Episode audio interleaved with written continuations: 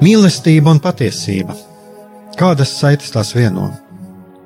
Mēs esam cieši saistīti pirmkārt ar sevi, ar savu būtību, un arī ar pārējo pasauli, ar līdzcilvēkiem, ar sabiedrību. Kur ir mūsu vieta šajā pasaulē? Kā mums katram atrast savu patieso aicinājumu un vietu? Kā sasniegt savas dzīves piepildījumu, mīlestību?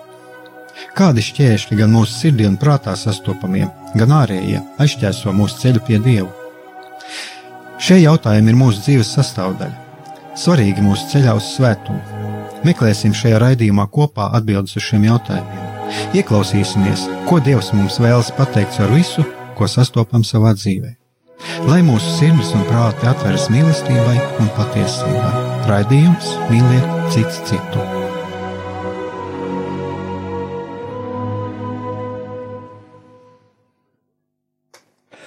Lai top slavēts Jēzus Kristus, esiet sveicināti, darbie radioklausītāji. Šis ir raidījums Mīliet cits citu.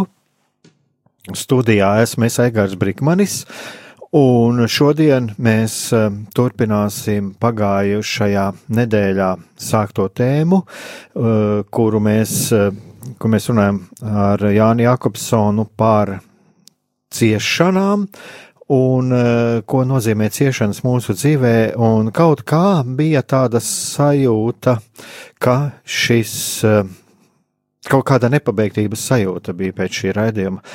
Un tāpēc šodien mēs to turpinām, un Jānis Jākopsons tūliņ, tūliņ būs ieradies studijā, bet mums šodien ir vēl viens viesis, Jēzuītu priesteris eh, Jānis Meļņikovs. Tā kā šeit ir uh, divi Jāņi. Labs vakars. Un uh, tātad, ja mēs atceramies par pagājušo reizi, tad mēs centāmies pieskarties tam, kā arī ciešanās, arī šajos ciešanu brīžos mēs varam saprast, mēs varam atrast Dievu, lai gan mums ir eh, bieži vien ļoti grūti saprast, kāpēc, kāpēc ir šīs ciešanas, kāpēc eh, Dievs, ja mēs eh, runājam, ka Dievs ir labs, tad mē, kāpēc tiek pieļautas šīs ciešanas un Un, un uh, tagad jau arī ir Jānis ieradies, un uh, Tātad mēs šodien turpinām par to. Uh, vēl atgādinot mazliet, es arī runāju par dažām pieredzēm, piemēram, es pats runāju par uh, tādu ebreju sievieti Etiju Hilisumu, kas piedzīvoja holokausta, holokausta laiku. Mums ir arī mūsu pašu bīskaps Bojaslavs Sloskāns. Tātad arī tam nedaudz pieskārāmies, bet tagad turpināsim. Un es domāju, ka mums tagad ir jau tāda neliela komanda. Tā Jānis ir ieradies. Jā, otrs Jānis, Jānis Jākapsons. Jā, ar tāds briesmīgs sastrēguma laiks un nāc, nāk, nākas skriet pa galvu, pa kaklu dažreiz. Mhm. Varbūt tagad, mm, jā, man nav līdzi, tā kā man pagājušajā reizē bija tur grāmatas, katehisms un tā tālāk, bet varbūt tagad aiziesim tā, mm, nu, labi, mēs varam katrs atrast, kas ir rakstīts katehismā un tā tālāk, bet uh, varbūt pa, tagad es pajautāšu priesterim. Kas, eh, kādas izjūtas eh, rodās tad, kad pirmās izjūtas rodās dzirdot vārdu vai lasot šo vārdu ciešanas? Pirmās izjūtas kaut kas nepatīkams katrā ziņā, protams, un, un vispirmām kārtām man jau gribas tā teikt, ka patiesībā it īpaši kristīgajā tādā kontekstā bieži vien var dzirdēt par ciešanu tādu glorifikāciju. Ciešanas ir labas, ka ciešanas tev kādā veidā tur pilnveido un tev tikai jāpacieš un gan jau viss būs labi beigu beigās, un ja nav labi, tā tad vēl nav beigas, bet, bet tā nebūtu nav kristītība neaicina uz ciešanām kā tādām, eh, bet aicina savā ziņā, nu, pieņemt uh, ciešanas, kuras ir uh, daļa no dzīves sastāvdaļas. Bet arī ar to pieņemšanu tas arī nav tādā pasīvā kaut kādā manierē ar domu, nu, ka tu neko nevari padarīt, tev vienkārši jāļaujas, lai jau tevi nomoc tāds ciešanas vai kaut kā tam līdzīgi. Nebūtu ne, tas nav ar tādu, ar tāda veida domu, tas nebūtu nav, ne, bet pieņem to neizbēgamību, kad uh, ciešanas ir daļa no cilvēciskās uh, dzīves, nu, kuru mēs ik viens dzīvojam, ar kuru saskaramies. Nu, citiem vārdiem, uh, ciešanas, kā tāds cilvēciskais vai pat varētu teikt, ka ļaunums un ciešanas abus divus šos vārdus gribētos teikt, ir kā tāds uh, pasaules stāvoklis, kas vienkārši ir dots. Varbūt tās izklausās briesmīgi, bet nu, tāds stāvoklis, kurš ir. Tur mēs neko nevaram padarīt. Mēs nevaram izdarīt tā, ka nenotiktu nekas ļauns un slikts, un kas neizraisītu mums līdz ar to arī ciešanas vai kaut kādā veidā. Ir, protams, kur mēs izvēlamies kādas ciešanas, um, kaut, vai izraisam šīs ciešanas tādā apzinātā vai neapzinātā veidā, bet ir arī tādas, kuras mēs varam, uh, kuras mēs neizraisam nekas, viņas vienkārši notiek. Ja šeit domāju par mm, dabas katastrofām vai kādām citādām likstām, kas nav uh, manis kaut kādā veidā vai cilvēku izraisīts liksts, vai ne? Nu, tātad ir šīs uh, pasaules un cilvēku stāvoklis, kas vienkārši ir. Un, eh, un tad man gribētos pat teikt, mēs kā kristieši esam aicināti šajā cilvēku eh, stāvoklī, jeb tādā pasaules stāvoklī, um, ienest šo ticību, nu, to piedāvā to ticīgo perspektīvu. Un šeit, šajā gadījumā varbūt tās atsaucoties uz, uz tādu rabīnu saksu, uh, angļu, um, ja britu rabīnu, kurš ticību definē kā protestu. Uh, ko tas nozīmē? Tas nozīmē, ka ir šis pasaules stāvoklis, uh, kuru mēs nevaram izmainīt, bet uh, vienlaiks ir šī apziņa, ka tādai pasaulē nav jābūt, kad ir jābūt labākai pasaulē. Mani? bet ir šī disonance starp to, ko mēs piedzīvojam un to, uz ko mēs esam aicināti, uz ko mēs it kā tiecamies, pēc kā mēs ilgojamies, vai ne? Un tad dzimst vieta ticībai, kas ir kā protests pret šo ļaunumu un ciešanām.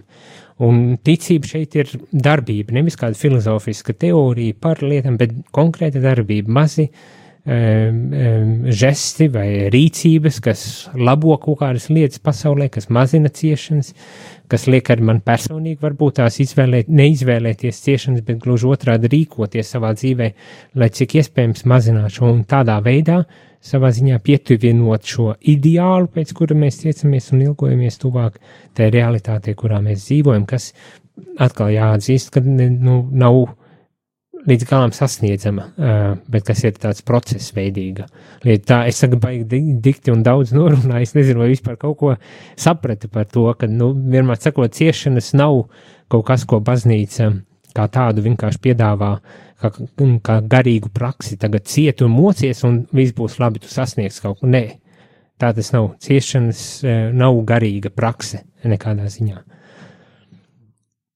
Nu jā, man atkal nāk prātām daži svēto dzīves uh, apraksti, kur uh, ir bijuši atsevišķi svētie, kuriem ir bijis tāds, mm, teikt, mistisks un, un ļoti izredzēts tas garīgais ceļš, un viņi ir piedzīvojuši daž, dažādus tādas mistiskas pieredzes uh, saistībā ar, ar Dievu, un uh, viņi arī neredz savā dzīvē, teiksim, šīs ciešanas izdzīvo un savā veidā pat ilgojās pēc viņām.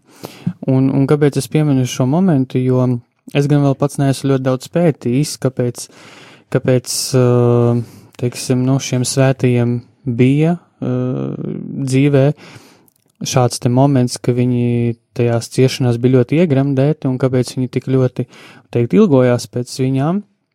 Jo no psiholoģiskā viedokļa skaidrs, ka tas nav normāli, jo tu gribi sev sāpes, bet šeit mēs saprotam, ka ir bijuši konkrēti gadījumi, kur ir tiešām ļoti tādi specifiski, un tanī vēstures laikā un tanī posmā tas varētu būt bijis, teiksim, pieņemams uh, konkrētiem cilvēkiem, šajā gadījumā šiem te svētajiem, bet kāpēc es šo minu, jo uh, man liekas, ka nereti cilvēks, kurš teiksim, ja no psiholoģiskā viedokļa skatās slimo ar hipohondriju vai ar kaut kādām neurotiskām izpausmēm, tad viņam ļoti patīk atsaukties uz šiem te svētajiem kā tādu aizbildniecības variantu, lūk, redzi, viņi sevi tur ar pātagiem sita, jā, tā tad es arī ciešu, Dievs to priekš manis vēlas.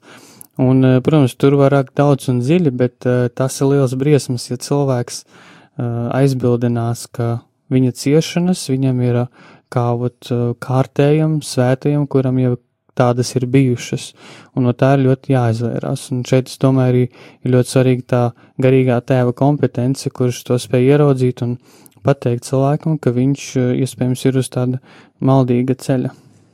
Jā, bet šis maldīgais ceļš, es uzreiz tur redzu tādas divas lietas. Viens ir um, tas, ko mēs jau kaut kad runājām iepriekš, ka cilvēks um, Nu, tas ir tas, ko es nosaucu par šādu savu veidu komforta zonu, ka viņš izvēlās ciest, nevis tā kā tēvs Jānis teica, risināt šo lietu. E, bet vai šeit nav runa par kaut kādu tā laika, nu, šeit ir runa par šiem agrākajiem svētajiem, tomēr par šī laika kontekstu. Tas, ka mums tomēr šajā garīguma izpratne ir mainījusies, nu, atšķirībā, teiksim, no tiem pašiem viduslaikiem. Jā, un, un, un tas, kas ir tika pieminēts, ne tās um, asketiskās prakses, kuras izsaukt var arī ciešanas, vai ne tur šaustīšanās kaut kādi tādi rīki un tāda, tāda, tāda, tādas lietas, vai ne. Um, Es pieļauju, ka vēl joprojām principā ir, ir arī baznīcā tādi strāvojumi, kas uzsver šīs asketiskās formas kā ļoti liederīgas, lai lai tiektos pēc pilnības vai mm, kaut kā tam līdzīgi. Grūti patiesībā pat, pateikt. Viena lieta ir tāda, nu, mana, mana tāda nostāja ir, kad atsaucieties drusku uz to, ko es arī teicu, un kad dzīve pati jau izmet ceļā gana problēmas, ciešanas un visādas lietas, un man savā ziņā jāspēj strādāt ar to un pieņemt to dažu brīdi arī neizbēgamību, ka šīs ciešanas nebūs pārējošas, ne? nu, kad būs tādas lietas, kuras neatrisināsies, vai tās būtu kādas tiešām nopietnas slimības vai kāds, kāda cita veida ciešanas, kas tiek izraisīta, pieņemt to, bet tas nenozīmē, ka tā pasivitātē vienkārši ļauties, es neko nedarīšu, kad, nu, tad man Dievs ir sūtījis tagad uh, ciešanu tādu. Bet, jā, ir tā garīgā praksa atkal, kas saka, uh, kaskējas formu, kā tādu garīgu uh, līdzekli izmantot, lai mērķis gan tur ir vairāk jā, disciplinēt sevi un savas kaut kādas tieksmes un vēlmes, netik daudz sodīt sevi par kaut ko. Diemžēl dažkārt tas tiek sajaukts vietām, un, un tad rodas tāds priekšstats, ka mēs mēģinam nepārtraukti sevi sodīt vai kaut kādā veidā mērdēt, lai panāktu kaut ko, un bezmaz vai nonākam līdz tam, kad kurā brīdī tas ir, es mēģinu sevi atpestīt, un kurā brīdī es tiešām šo rīku izmantoju, lai iet šo pilnības ceļu, lai kaut kādā veidā sevi disciplinētu un virzītu savu dzīvi, bet uh, necensos tad arī, nu, kā tādu atpestīšanas līdzekļu to izmantot bez mazvainiem. Nu, es domāju, ka te varbūt arī ir uh, svarīgi tam cilvēkam tomēr tāda garīgā vadība, lai arī kas palīdzētu viņam atpazīt šo lietu. Un garīgā vadība arī ir tāda noteikta asketiska forma, jo tas pieprasa no cilvēka atvēršanos otram cilvēkam, un tas nebūtu nav vienkārši, un tas pieprasa aiz, aizliekšanos kaut kādā ziņā, lai tiešām godīgi atklāt, varētu atklāt savu dzīvi otram cilvēkam. Un, Un tas neizraisa, es pieļauju, daļai tas neizraisa ciešanas, bet ir daļai, kas, kurai tas arī varētu būt tāda savu veidu ciešanu uh, uh, izraisītājs, vai nekad, uh, bet pilnīgi noteikti es esmu viens no tiem, kas uzstāja, uh, ka garīgai vadībai jābūt, uh, vai tas ir ilgstošai vai pārējošai vai kādu uh, jautājumu risināšanas periodā, bet viņai ir jābūt, jo uh, Um, pretējā gadījumā mēs varam ieslīgt tādā um, nereflektīvā stāvoklī, kur mēs attaisnojam kaut kādas savas vai ne, um, neirozes vai kādas citas lietas, um, ar kurām dzīvojam. Jā, es domāju, tagad mēs varam paņemt kādu muzikālu pauzīti. Ave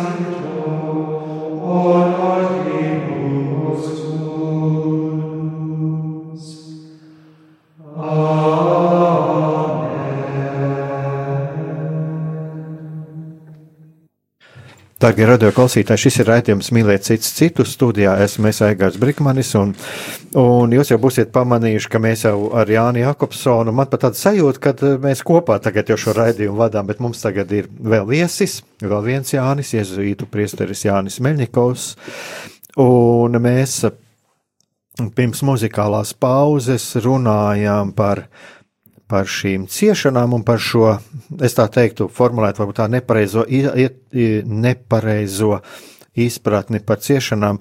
Un eh, te nu gan man mazliet gribās atkal runāt arī par to, ja katehismā arī ir rakstīts, eh, ka savā ziņā pat cilvēks varbūt neapzinādamies, viņš pat eh, var sagrēkot sagrēkot, eh, sagrēt, sagrēkot pret savu veselību, un ja mēs skatāmies, piemēram, bausli, tev nebūs nokaut, tur ir arī šīs, šīs lietas, un man kaut kā tas tā ienāca prātā.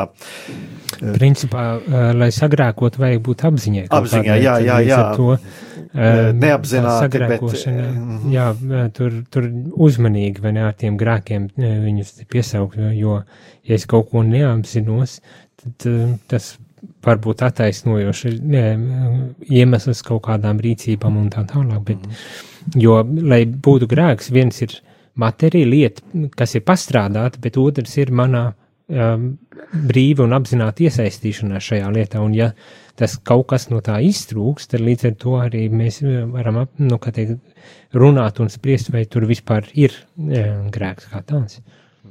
À, nu šeit mēs varam runāt par to, ka šis um, grēks, ko mē, um, tas, ko mēs, um, ko cilvēcīgi mēs skatoties, mēs viņu redzam kā grēku, bet uh, Dieva priekšā viņš nav kā grēks, ja, jo cilvēks neapzinās to kā grēku.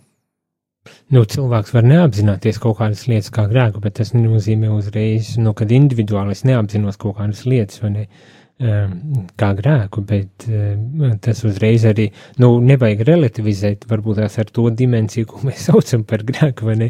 Nu, kad slikts ir slikts, vai tu apzinies vai neapzinies, vai ne tikai tas, vai atkal kādā, kādā pozīcijā mēs šajā gadījumā esam, vai ne? Bet slikts ir paliek slikts, vai ne? Nu, kāds var uzskatīt, ka slepkavība nav nekāds īstenībā grēks. Es vienkārši nu, izdarīju to, ko citam vajadzēja varbūt izdarīt, lai imigranti nebrauktu vēl kaut kas tam līdz. Bet mēs tādā veidā attaisnojam kaut ko, kas ir grēks. Tā kā tur arī, man liekas, tur vajag tā ļoti jā. uzmanīgi un Nē, šeit, kāpēc es šim jautājumam tā pieskaros, jā, šeit nerunāju par to, ka es šajā gadījumā nevis relativizēt grēku, jā, mm, bet ir kaut kādas lietas, kas ir acīm redzams, ja kā pieminēju šo te, teiksim, slepkavību un tā, jā, bet šajā gadījumā, kad, nu, mm, jā, cilvēks labu domādams, viņš patiesībā, viņš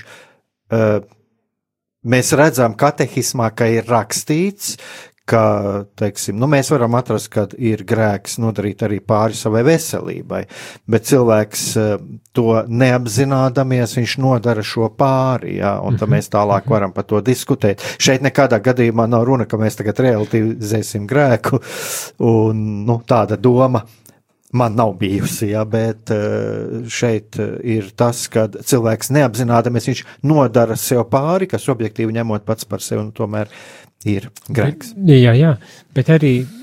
Jo es atkal šeit, man šķiet, man gribētu būt ļoti uzmanīgiem. Tā kā mēs tagad runājamies par šīm lietām, ka neapzinoties varu nodarīt pāri savai veselībai, eh, tas uzreiz nevei, nevarētu būt grēks. Uh, manā skatījumā, vai ne, tur, tur tā uzmanīgi to vērtēt, vai vispār vajag šādā kategorijā skatīties uz šīm lietām, jo, piemēram, tagad kādas bieži vien arī paši doktori atzīst, ka kādas nopietnas lietas ārstējot, tiek izrakstītas zāles, kuras ārstē konkrētu lietu, bet vienlaikus maitā kādu citu orgānu, aknas, piemēram, vai nieras vai kaut ko tam līdzīgu. Man ir, cik lielā mērā es apzinos, neapzinos, un cik lielā mērā es tiešām kaitēt, gribu kaitēt sev, es gribu ārstēt sev, bet nu, tāda ir tā medicīnas sistēma, un līdz ar to pie, pievienot klāt vēl to konceptu kā grēks, man šķiet, mēs to visu tik ļoti smagnēju padarām un, un nevajadzīgi spriedelējam par tādu uh, lietu šajā gadījumā, kad nu, tas zaudē nu, jēgu būtību, varbūt tās, tā man pat gribētos teikt. Tā kā to uzreiz tā jaukt klāt, ciešanas un grēks, un, un tas, bet tas mana tāda pirmā reakcija šobrīd. Mm -hmm. Klausoties. Jā, ne, es saku tādā, jā, vienkārši kā Tāpēc, kad nu, ar šīm praksēm es domāju, ka mums nākās saskarties reiz par reizei, un tā, un mhm, šeit mhm. stāsts ir nevis tieši par to, teiksim, jā, kad cilvēks domājot labi un tādā ziņā būt ļoti nu, piesardzīgiem, nu, lai nenodarītu pāri sev. Es, es vairāk domāju, domāju par to, jā, ah, jā tieši, es domāju vairāk tieši. par to, nevis par kaut nevis tik daudz par šo grēku, bet to, ko mēs tā, nu, acīm redzot, redzam, ja, bet eh, vienkārši būt piesardzīgiem, ka mēs varam nodarīt kādreiz ar kaut kādu praksi sev pāri. Tas ir vairāk par, vairāk par to es mhm. runāju.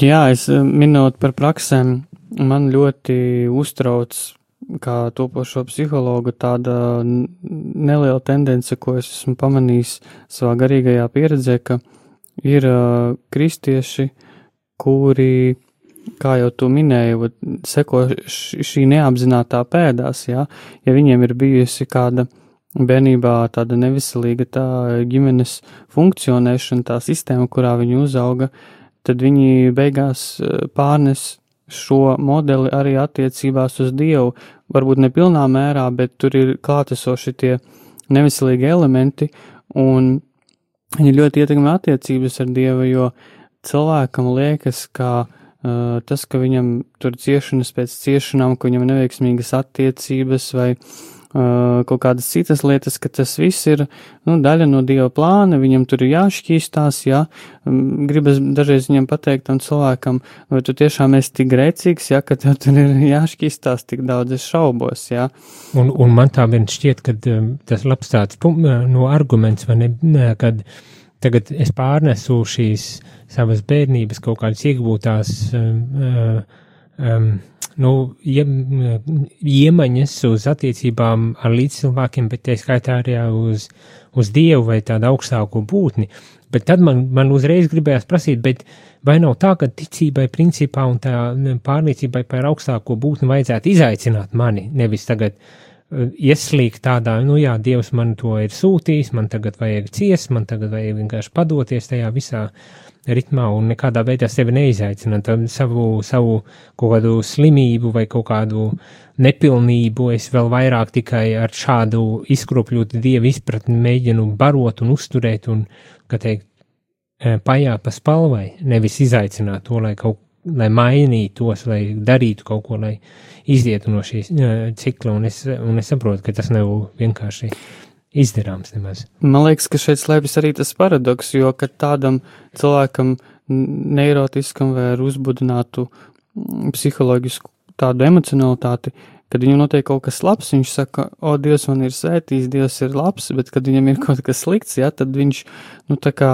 nu, jā, Dievs man sūta tās ciešanas, un tad rodas jautājums, vai Dievs tev sūta ciešanas, vai Dievs tevi svētī tavā dzīvē, jā, un tad tāds, nu, apmēram neizpratne, kas tad īsti notiek tā cilvēka dzīvē. Un, un ir viegli pateikt, ka Dievs man sūta kaut ko vai pieļauj, tāpēc, ka tādā veidā cilvēks neapzināti apzināti viņš bēg no tās, tā, tām sāpēm, kas dziļi iekšā tur viņā sēž, atzīt to, ka jā, man ir bijis grūta bērnība, jā, man ir likuši darīt darbus, kurus es negribēju darīt, bet man teica, ka tas ir vienīgais veids, kā es varu būt malacis, jā, un tāpēc es tagad uzņemos divas, trīs kalpošanas, es esmu izdedzis pats, bet uh, toties es kalpoju, nu, nu kaut kā tā apmēram.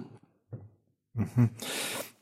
Jā, tā tad šeit, šeit, šeit, ko es tādu saklausīju, jau par ko ir arī iepriekšējos, iepriekšējos raidījumos ir runāts, un tas ir savā veidā nepareizs priekšstats par Dievu, bet um, kas man tāda, ko es tādu, mm, tāda viena atslēgu frāze, um, Dievs man sūta.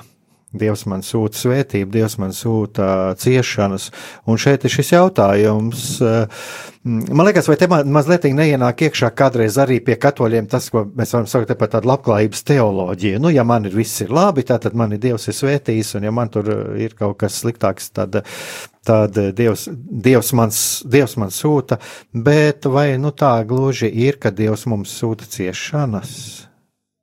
Es īsvarot minēšu tādu piemēru. Es nezinu, vai viņš būs teoloģiski pareizs, bet es iedomājos tā, ja kādam vecākam tētim piedzimst vienalga meita vai dēls, un tagad tas dēls, eh, nu, kaut ko viņš tur ir sadarījis, nepaklausījis, jā, kaut kādu blēņu sadarījis, tas tēvs pieiet pie ūdensglāzes un iebāž tam ūdensglāzē tableti, zinot, ka šī tablete, kuru izdzers viņa bērns, novājinās viņa imūnsistēmu tā bērna uz nedēļu, un tad viņš nu, gulēs tur ar plus 40 temperatūru un saslims. Tas būtu, manuprāt, piemērs, ja, kad mēs sakam, ka Dievs sūta ciešanas. Tā būtu tā tēva rīcība, kurš apzināti paņēma, ielika tableti, viņa izšķīda, bērns izdzēra, viss saslima, tēvs viņu ir sodījis, jā. Un, nu, uh, Jautājums, vai kāds normāls tēvs tā varētu izdarīt savam bērnam, man liekas, ka no atbildi ir acīm redzama, ka nē. Nu jā, mēs arī svētajos rakstos varam to redzēt, ko Dievs vai Dievs dos tur zīvi vai čūsku. Nu jā, un tas ir tas tāds mūžīgais jautājums par uh, dievu, dieva gribu un kā tas uh, izpaužas un tā tālāk. Bet kā es arī sākumā teicu, man tā pārliecība ir vienkārši, ka uh, lietas ir tādas, kādas viņas ir. Nu, viņas ir ierobežotas, eh, nepilnīgas, salauztas un, un, un izkropļotas, un tas izraisa eh, sāpes, ciešanas, eh, problēmas un visas citas likstas, ar kurām mums ir jāsaskars mūsu dzīvē. Vai tas ir, ka Dievs tur pieļauj vai, vai, vai sūta speciāli tagad mēģina izraisīt ar tādu nolūku, nu, kad tad viņš mainīsies, vai tad viņš atgriezīsies, vai tad vēl kaut kas tur notiksies un būs labāk tajā dzīvē. Nu, nē, varbūt tās nē. Kāda ir atbildi, man, man grūti pateikt. Principā man šķiet, šis ir viens no jautājumiem tāds, uz kuru um, nav jāatbild, jo vienkārši atbildes nav, vai jautājums, kuru nemaz nevajag uzdot, jo um, bezjēdzīgs jautājums, principā? Nu, bet tas ir tādā manā skatījumā, nu, kad vai viņš sūta, vai nu, mums pārliecība, ka viņš nesūta neko, ne? Um, bet kas, ka tā, tās, tās lietas vienkārši notiek. Tad, ko es ar to visu daru? Man tas jautājums. Vai es daru vai nedaru neko? Man tā gribētos vismaz prasīt. Nu jā, šis patiesībā jau ir ļoti labi arī tā, ka šis jautājums paliek atvērts, jo tas dod cilvēkam tomēr meklēt. Um, Meklēt pašam šo atbildi uz to, ko tad Dievs no viņa vēlas. Bet tagad, domāju, atkal mums ir laiks paņemt kādu muzikālo pauzi, un tad mēs varēsim turpināt. Alleluia.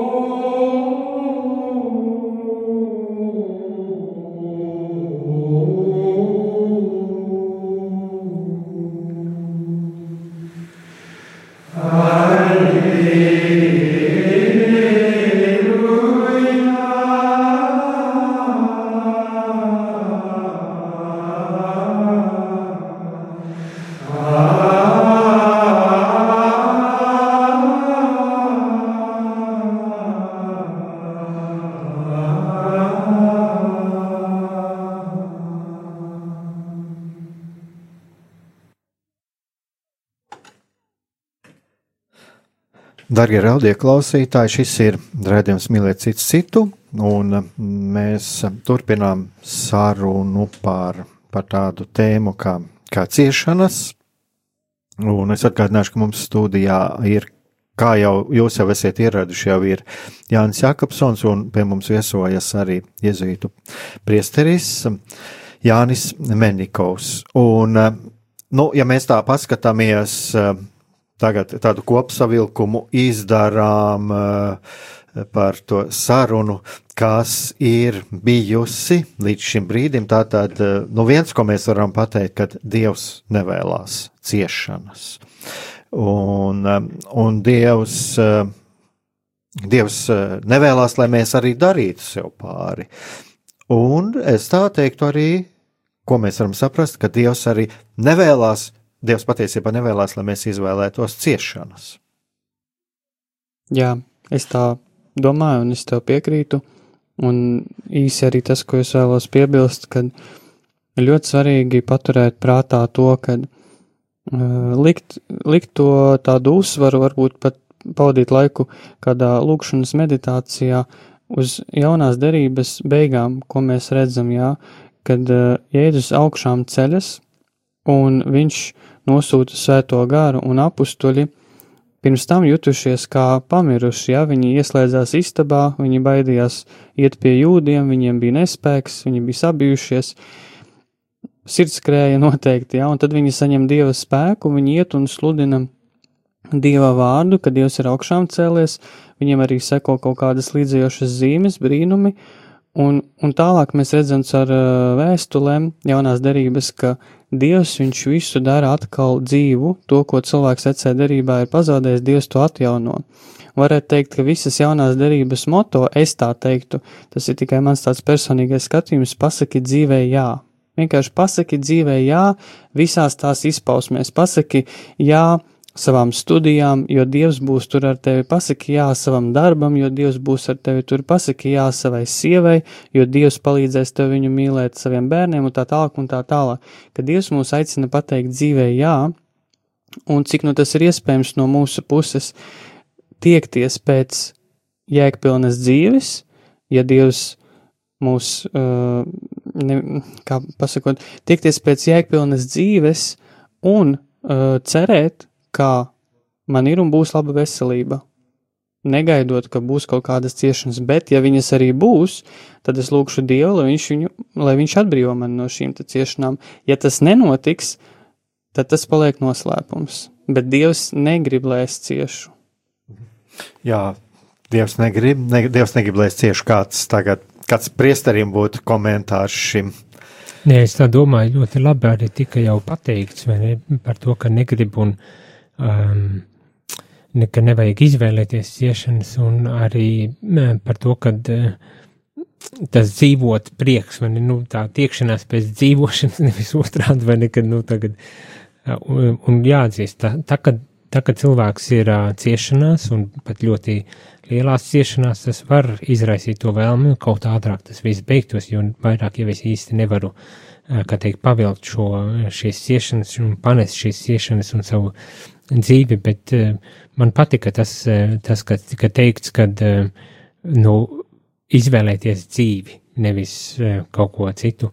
Mēs esam aicināti uz jēgu pilnu dzīvi, un man arī tas tik patika, un es, tad tas pirmais, ka es padomāju, man bieži vien mēs kaut kā mīlam runāt par to jēgpilnas ciešanas, tādu izteicienu. Man grūti pat dokumentēt šo te vai ne, bet jēgpilnas ciešanas. Es domāju, ka jā, kaut kādā mērā var runāt par jēgpilnām ciešanām, kad tad, kad e, citādā veidā tika pateikts, ne, bet tā, ka mēs it kā pieņemam šīs ciešanas, nu, bet pieņemt arī tādā ziņā vairāk, kā es vairāk kārt jau teicu, nevis pasīvi ļauties tagad, jo, nu, man kaut kas ir atsūtījis augstāk būtni, ir atsūtījis, nu tad man viss vienkārši jāļaujas. Nē, bet pieņem to, ka es izdaru visu, ko varu, bet eh, ne viss ir manā varā un spēkā eh, izlabot kaut kādas lietas vai padarīt, ka viņas nav vai izbēgt no visām ciešanām un,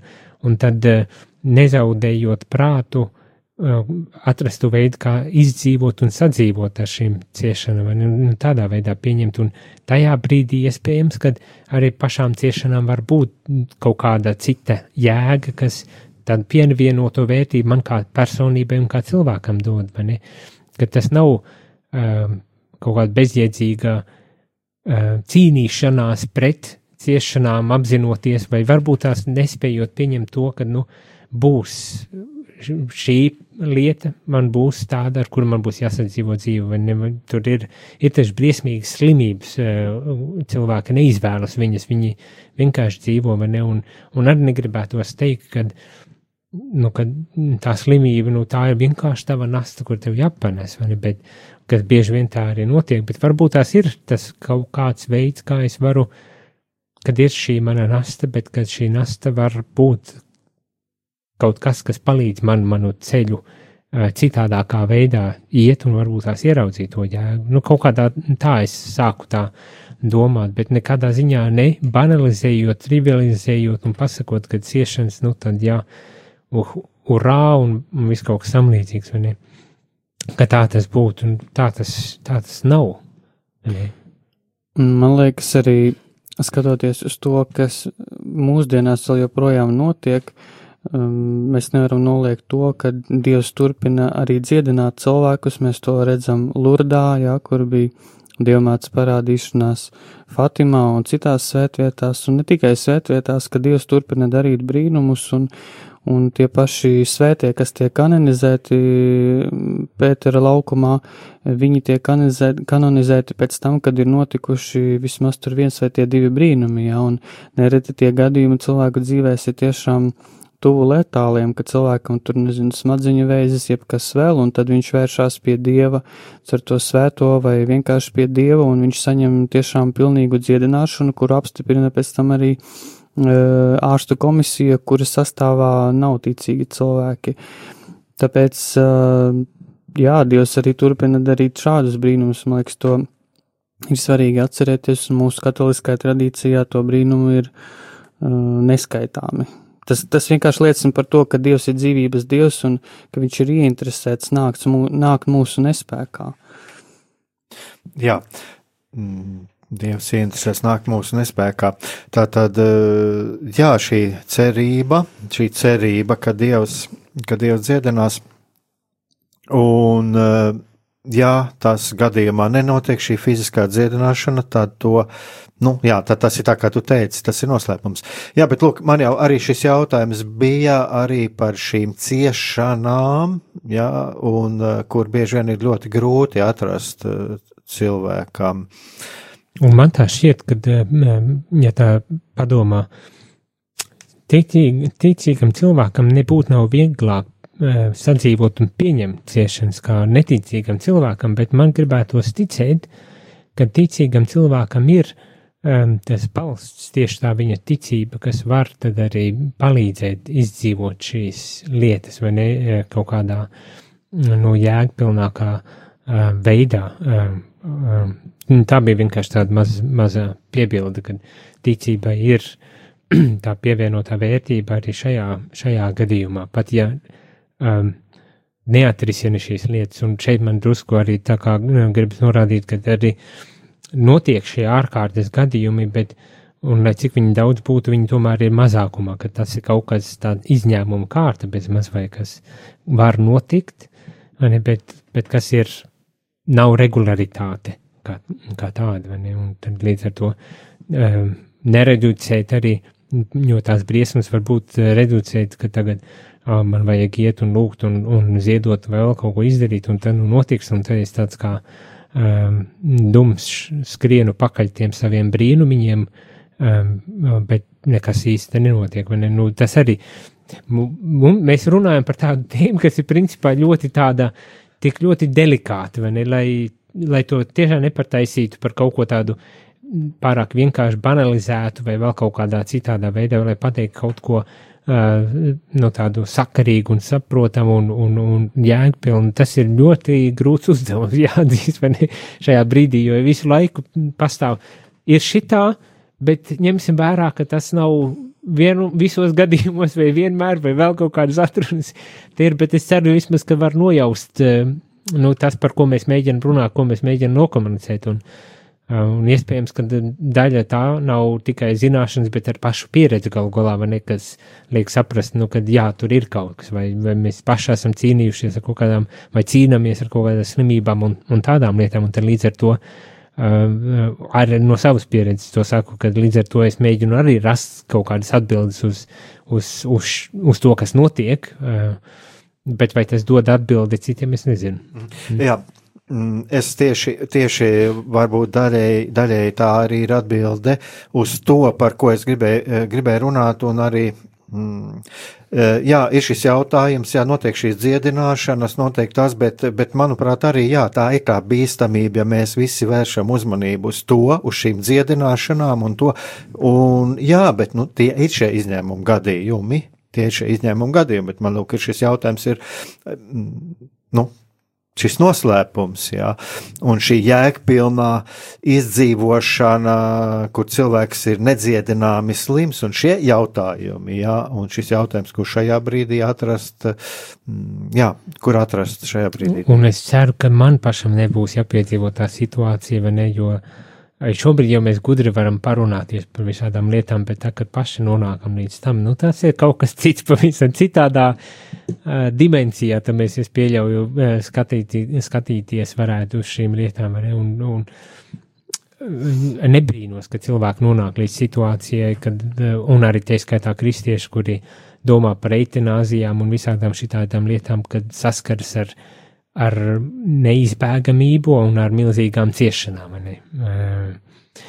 Bet vai tas ir tas pareizākais risinājums? Baznīca un ticība saka, ka nē, tas varbūt tās nav tas pareizākais risinājums pat, ja arī šīs ciešanas tiešām ir tādas, kuras viņas vienkārši neizbeigsies līdz pienāks beidzamā elpa, ko ievilkšu, vai ne, un tā lietas, bet, bet, nu jā, tā, tā, tas dramatiskums un tā, tās spēks, kā tas var sagraut mūsu iekšēji, pilnīgi izsist no pamatiem un visādos veidos, ciešanām ir milzīgi, milzīgākais spēks un, un, un, un vara par, par mums? Bet vai tas ir viss, kas tur ir? Nu, šeit man atkal mazliet gribās atgriezties pie tā, ko mēs sākām mazliet, mazliet pieskārāmies šīs sarunas sākumā. Tas bija tas par to izpratni par grēku. E, nu, man vismaz es tā domāju, kas attiecās uz visu šo eitanāziju un uz visām šīm lietām, tikai Dievs zina, ko šis cilvēks, e, ko šis cilvēks pārdzīvo. Un, e, nu, šeit ir atkal uh, likt, uh, likt kaut kur baznīca māca to un to par eitanāziju. Manuprāt, tas būtu tā ļoti cietsirdīgi, un man ir ļoti liela ticība, ka, ka Dievs ir žēlsirdīgs šajā gadījumā.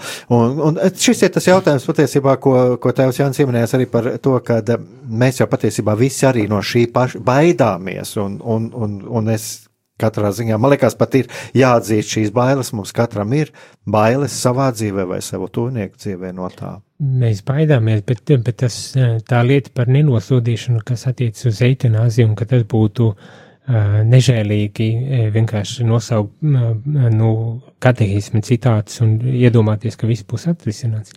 Nē, es domāju tā, uh, tad baznīcas nostāja ir pilnīgi. Derīga un, un, un svarīga nostāja ar to tādā ziņā, kad aizstāv to dzīvību un tā tālāk. Uh, un, un viņai ir pienākums un uzdevums tad arī to nokomunicēt, bet to nokomunicēt atbilstošā veidā, lai, lai šis cilvēks varbūt tās, lai viņu likt aizdomāties, ja vienkārši noriešu tagad uh, kaut kādu mācību, kas pilnīgi nerelevanta un nebūtiska cilvēkam, kurš ir ciešanās, tā ir tā atkal ir um, cita lieta, vai ne? Bet kā, kā tagad nokomunicēt to, to vērtību, to bagātību, kas ir dot un kas cerams var kaut kādā veidā arī atbalstīt šo cilvēku, pat ja viņš ir milzīgās ciešanās un sāpēs. Un, uh, Un man ir grūti atbildēt jau šo jautājumu. Jā, man liekas, tas ir tas, ko tagad te teici arī.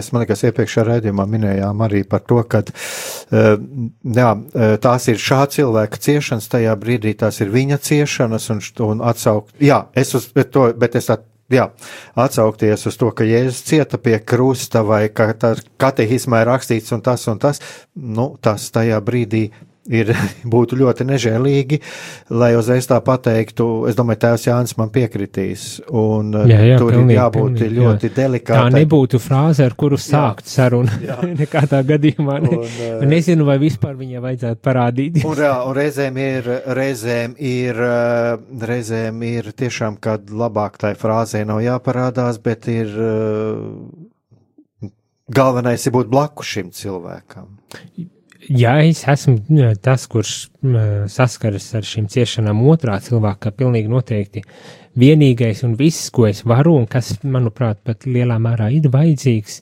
šim cilvēkam, protams, bez, bez kaut kādiem līdzekļiem, kas viņam atvieglo šīs ciešanas vai ārstē šīs ciešanas vai kā citādi risina šīs ciešanas, ir tā klātbūtne, vai ne? Kad šī otra cilvēka klātbūtne, nevis mācīšana, pamācīšana, nosodīšana un vēl viss kas cits eh, pa vidam, bet tiešām klātbūtne, kad es klausos, uzklausu, pieņem šo cilvēku ne, un, un, un ļauju viņam būt eh, ar, ar šīm arī viņa, viņa sāpēm un, un izdzīvo šīs sāpes, bet nekādā ziņā ne nosodīšana vai vēl kaut kas eh, pamācīšanas un gudri, gudras fāzes un visādas citas lietas. Un tas tā kā nereti uh, Mm, ir cilvēki, kuri ļoti nemitīgi lūdzas par saviem radiniekiem, kuri nav ticīgi, ja, lai, lai viņi atgriežas pie Dieva un, un lai viņi iepazīst Dievu, lai viņi saņem šo te glābšanu. Un viņi lūdzas un lūdzas, lūdzas un lūdzas, un tad viņi pārdzīvo, un tur kas tik nav, jā, ka tie cilvēki, tur radinieks ir neticīgs un tā un šitā. Bet īstenībā pieiet pie tā cilvēka un pajautāt, klausies vispār, kā tev iet un kas notiek tavā dvēselē, ja? kāpēc tu tik ļoti pretojies manai ticībai. Un es domāju, tas cilvēks pateiktu, nu, zini, tāpēc, ka man apnika katru reizi klausīties tikai par to, ka Dievs, Dievs, Dievs, jā, tā kā parādi man vienkārši cilvēcisko attieksmi. Un tad, kad cilvēks parāda cilvēcisko attieksmi, ka viņš rūpējas arī, viņam tiešām rūp tas otrs cilvēks, nevis viņš viņam grib tā kā uzlikt Dieva masku, jā, virsū, tad tas cilvēks arī atverās un viņš redz, ka tā ticība tiešām ir dzīva. Tā ticība to cilvēku ir padarījusi humanistiskāku, uh, labsirdīgāku, un es redzu kaut kādu tur tiešām tādu pārdabisku uguni tā cilvēka acīs, un tad cilvēks arī atverās ticībai, bet ja visu laiku tikai močīt, jā, ka tev ir jātic, tev ir jātic, tev ir jātic, nu, tad cilvēks viņš tikai pretosies un nereti tur nekas arī nesanāks. Ļoti labi pateikts, man liekas, apstiprinājums vēlreiz tam, uh, ka Bībeles gudrība ir, ir uh, paliekoša gudrība, jo tas, kas tika pateikts Bībelē, ir tiek teikts, nu, um, tūlītās atcerēšos to citādu, vai ne, kad, nu, um, aizmirst tagad to citādu, bet vienmēr sakot, Bībeles gudrība ir līdzīgos, līdzīgas tematikas risina, vai ne, attiecībā uz, uz visiem šiem. Tā Bībeles gudrība bija tāda, kad parāda savu ticību uh, darbos un, un nevis uh, vārdos, vai ne? Uh, apmēram tādā veidā.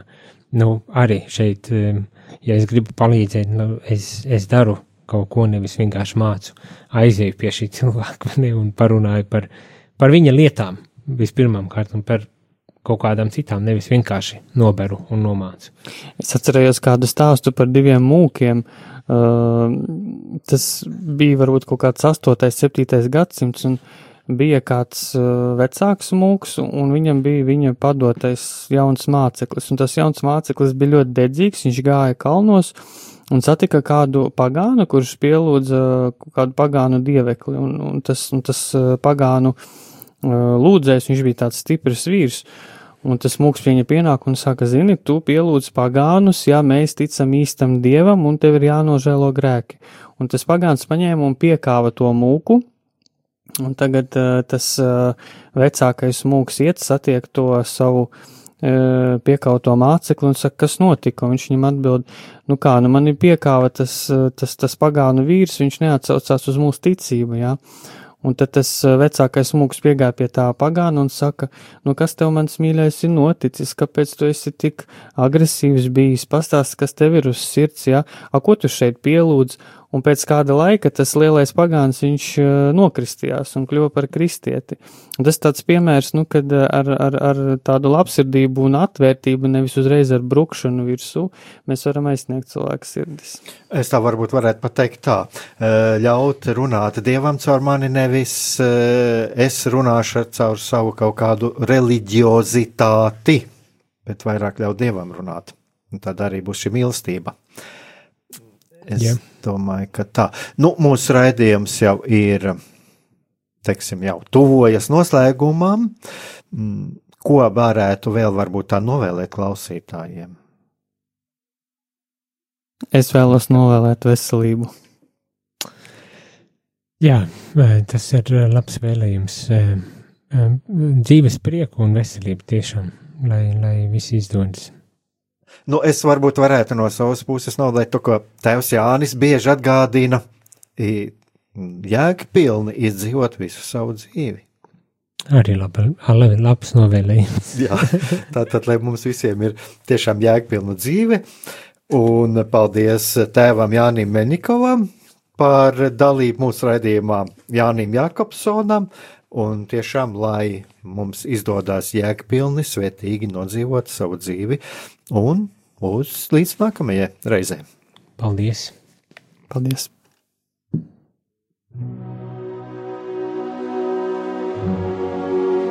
Mīlestība un patiesība. Kādas saites tās vieno? Mēs esam cieši saistīti pirmkārt ar sevi, ar savu būtību, un arī ar pārējo pasauli, ar līdzcilvēkiem, ar sabiedrību. Kur ir mūsu vieta šajā pasaulē? Kā mums katram atrast savu patieso aicinājumu un vietu? Kā sasniegt savas dzīves piepildījumu, mīlestību? Kādi šķēršļi gan mūsu sirdī un prātā sastopamie, gan ārējie aizķēso mūsu ceļu pie Dieva? Šie jautājumi ir mūsu dzīves sastāvdaļa, svarīgi mūsu ceļā uz svētumu. Meklēsim šajā raidījumā kopā atbildes uz šiem jautājumiem. Ieklausīsimies, ko Dievs mums vēlas pateikt ar visu, ko sastopam savā dzīvē. Lai mūsu sirds un prāti atveras mīlestībai un patiesībai, raidījums mīliet citu citu.